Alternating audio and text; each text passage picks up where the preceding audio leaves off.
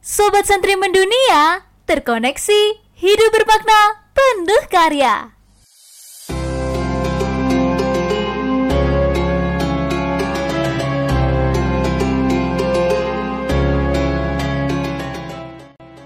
Assalamualaikum warahmatullahi wabarakatuh. Selamat pagi, selamat siang, selamat sore, selamat malam. Salam Sobat Santri Mendunia di mana pun Anda berada. Kali ini bersama saya, Sumaryati Marfuah, dalam podcast Santri Mendunia yang terkoneksi di 34 provinsi dan 30 negara. Gimana kabarnya nih Sobat Santri? Semoga semuanya sehat walafiat serta dalam lindungan, rahmat, dan kasih sayang Allah Subhanahu wa Ta'ala. Amin. Oke, pada podcast kali ini kita akan ngobrol santai mengenai liburan di Yaman bersama narasumber kita yaitu Kak Mikail. Nah, udah ada nih Kak Mikail. Halo Kak Mikail, Assalamualaikum. Waalaikumsalam warahmatullahi wabarakatuh. Apa kabar nih Kak Mikail? Alhamdulillah baik. Gimana kabar Kak Sumar nih? Alhamdulillah. Kak Mikail, boleh cerita dikit kesibukannya apa nih sekarang? Bismillahirrahmanirrahim. Alhamdulillah kesibukan sekarang menjadi mahasiswa di Universitas Al Wasatiyah Yaman. Udah semester 2 sekarang. Wah, lagi sibuk kuliah ya, Kak. Bolehkah silakan memperkenalkan diri? Silakan. Bismillahirrahmanirrahim. Assalamualaikum warahmatullahi wabarakatuh. Perkenalkan nama saya Mikail Abdurrahman Baksir. Saya berasal dari Lombok, Nusa Tenggara Barat dan alhamdulillah saya sekarang sedang studi di Universitas Al Sofiyah Lil Ulumi Syariah Yaman. Seterata 1 semester 2 dan alhamdulillah saya sudah di Yaman sekitar empat setengah tahun hampir lima tahun. Dan juga saya sebelum kuliah itu ambil mahat salah satu pondok di kota Tarim di bagian syariahnya. Alhamdulillah. Alhamdulillah, Masya Allah sekali nih Kak. Ya, Sobat Santri, mungkin kita sering sekali melihat tanah gersang dan hamparan dataran kering di Timur Tengah. Namun, ada beberapa tempat yang sangat menakjubkan yang tidak kita ketahui banyak orang. Bagaikan kampung tropis di tengah tanah gersang, sebenarnya Mekah dan Madinah memang diyakini sebagai kota paling diberkahi di muka bumi. Keistimewaan kedua kota ini bahkan dijelaskan dalam Al-Quran. Namun ternyata selain kedua kota suci tersebut, ada pula kota lain yang diberkahi Allah dengan berbagai keistimewaannya. Nah, kota tersebut ada di negara Yaman. Kami Kail, kota di negara Yaman itu apa saja sih yang populer? Oke, kalau kita bicara tentang populer, ada banyak gitu. Cuman karena coba kita lihat dulu. Negara Yaman ini terkenal dengan negara yang apa namanya? Syariah gitu. Negara syariah. Cuman ada beberapa yang menurut saya tuh sering saya kunjungi dan sering anak-anak Indonesia kunjungi gitu. Se, apa namanya wisata dan sering ziarah-ziarah. Seperti kota Tarim kota Mukalla dan kota Doan. Wah, ada tiga kota ya, kayak. Nah, di tiga kota tersebut, objek wisata terkenalnya apa aja nih kak? Nah, kalau kita bicara tentang kota Terim, itu wisatanya itu kita bisa pergi ke masjid-masjid yang bersejarah, terus ada makam-makam para wali, makam para makam para sahabat, dan juga bisa apa namanya eh, jalan-jalan gitu untuk mengunjungi wali-wali yang sudah yang masih hidup gitu, wali-wali yang masih hidup. Lalu kalau di kota lainnya? Kalau di kota Mukalla itu ada pantai, ada pantai Fuluk dan nanti ada pantai Brum. Nah kalau untuk daerah kota Doan itu ada hotel di atas pegunungan tinggi gitu. Masya Allah, pasti kota gunung dan makam ini sangat berbeda dengan yang ada di Indonesia ya kak. Bedanya apa sih kak? Kalau kita berbicara tentang perbedaan, kalau di gunung itu di gunung kan batu gitu batu doang batu doang gitu nah kalau di Indonesia kan ada hijau-hijaunya terus ada rumput-rumputnya kalau di sini batu doang jadi hotel itu hotel di atas batu biasanya kita nyebutnya itu namanya Bokshan, daerah Bokshan. Nah di hotel itu ada kolam renang di atas gunung gitu, di atas batu itu kolam renang. Ada tempat nyantai-nyantai seperti kafe-kafe kecil yang ada di daerah tersebut di gunung atas itu. Nah, kalau pantai itu bedanya di Indonesia. Kalau pantai itu kan di Indonesia ada atapnya gitu, enak ada atapnya. Nah kalau kita di Yaman tuh atapnya langit aja dah, nggak ada atap lagi untuk masalah gunungnya. Eh untuk masalah apa pantainya gitu. Oh begitu, pasti indah sekali ya kak ya. Lalu kalau di Tarim selain berziarah kita bisa ngapain aja nih kak? Oke, kalau kita berbicara tentang Tarim, kota Tarim ini terkenal di Indonesia dengan kota Sebu Wali, ya. Juga kalau di kota Tarim itu ada beberapa masjid yang sakral yang kita kunjungi. Ada Masjid Al-Mahbar, ada Masjid Ba'alwi, ada Masjid Al-Idrus, ada Masjid Al-Saddaf. Nah, masjid-masjid ini memiliki ciri khas tersendiri gitu di dalamnya. Dan kalau kita sholat di sana dan kita berharap karena Allah melalui wali-wali yang sudah sering di masjid ini, maka insya Allah doa kita akan dijabah oleh Allah Subhanahu wa taala.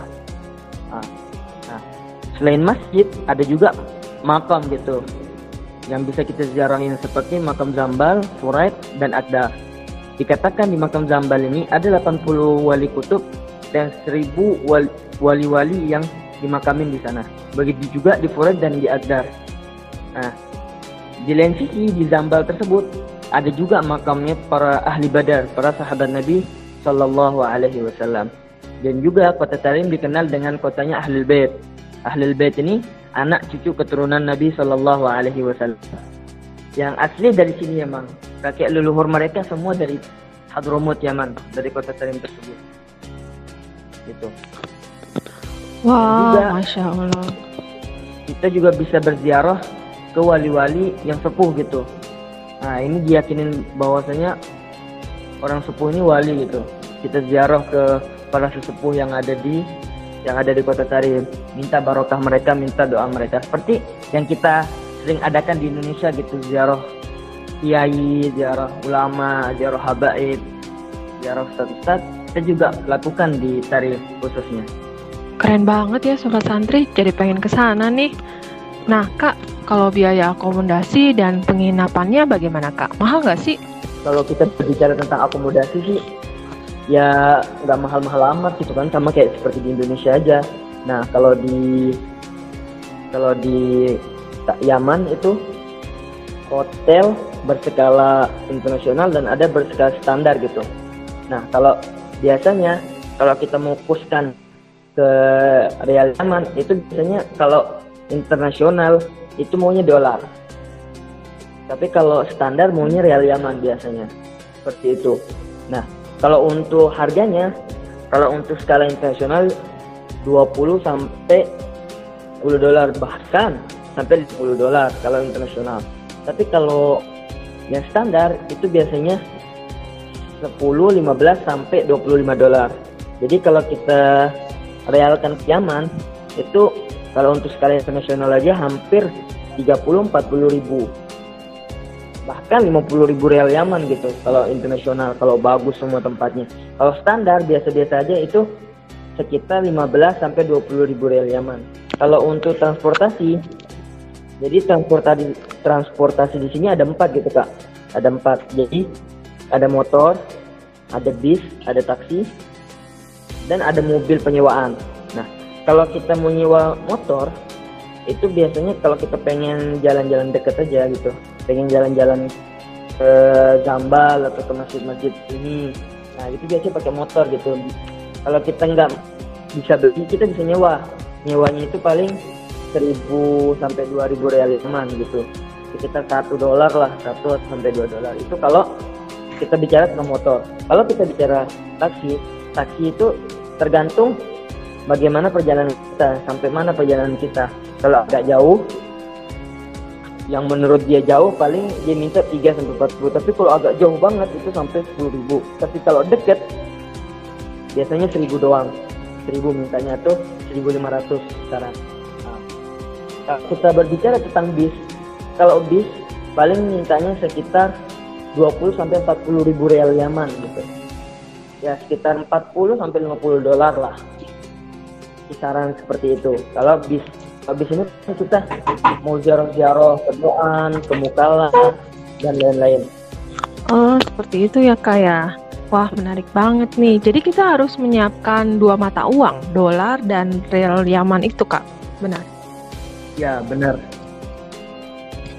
Hmm, baiklah. Selain itu, kalau di Indonesia kan ada Grab apa Gojek gitu yang bisa kita panggil pakai aplikasi. Kira-kira kalau di sana bisa nggak? Ada nggak kak?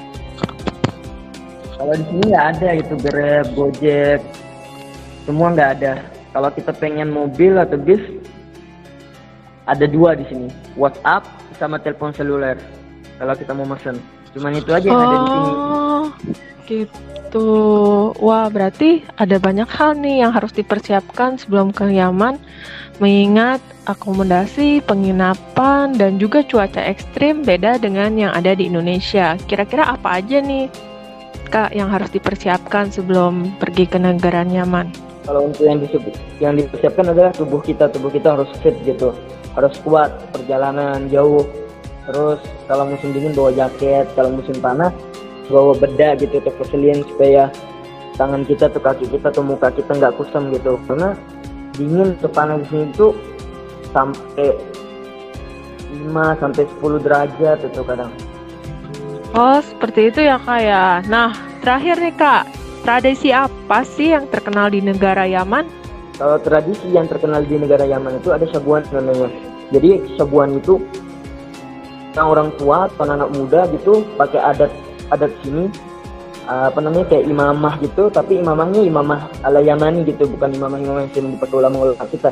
Imamah ala Yamani terus bawa tongkat terus nari-nari gitu. Itu biasanya pas acara-acara besar yang ada di Hadramut Yaman kota Tarim yang ada di kota Doan yang ada di kota Mukalla itu biasanya kalau ada acara-acara besar gitu seperti maulid acara pernikahan acara hauliyah dan lain gitu kak. Oh, gitu ya. Wah, jadi pengen banget nih ke negara Yaman ya, Kak. Nanti Kakak boleh nggak nih dijadiin tour guide kalau kita ke sana? oh bisa dong. Pasti itu. Pasti jadi tour guide. Nanti ya, ngajakin apa? Jalan-jalan pergi-pergi. Nah, Sobat Santri, bisa nih kalau mau ke negara Yaman, menghubungi kami Kail ya, Kak ya. oke siap-siap. Insya Allah Nah, itu dia teman-teman. Gimana podcastnya? Seru dan asik kan? Oh ya, sebelum saya tutup, enaknya kita salam jargon dulu ya, Kak. Bareng-bareng ya, Kak. oke Santri mendunia, Menteri mendunia terkoneksi, terkoneksi hidup bermakna, hidup bermakna penuh karya. penuh karya Oke, terima kasih kami Kail dan teman-teman yang mendengarkan. Semoga ilmunya bermanfaat dan sampai jumpa di podcast selanjutnya. Terima kasih. Wassalamualaikum warahmatullahi wabarakatuh.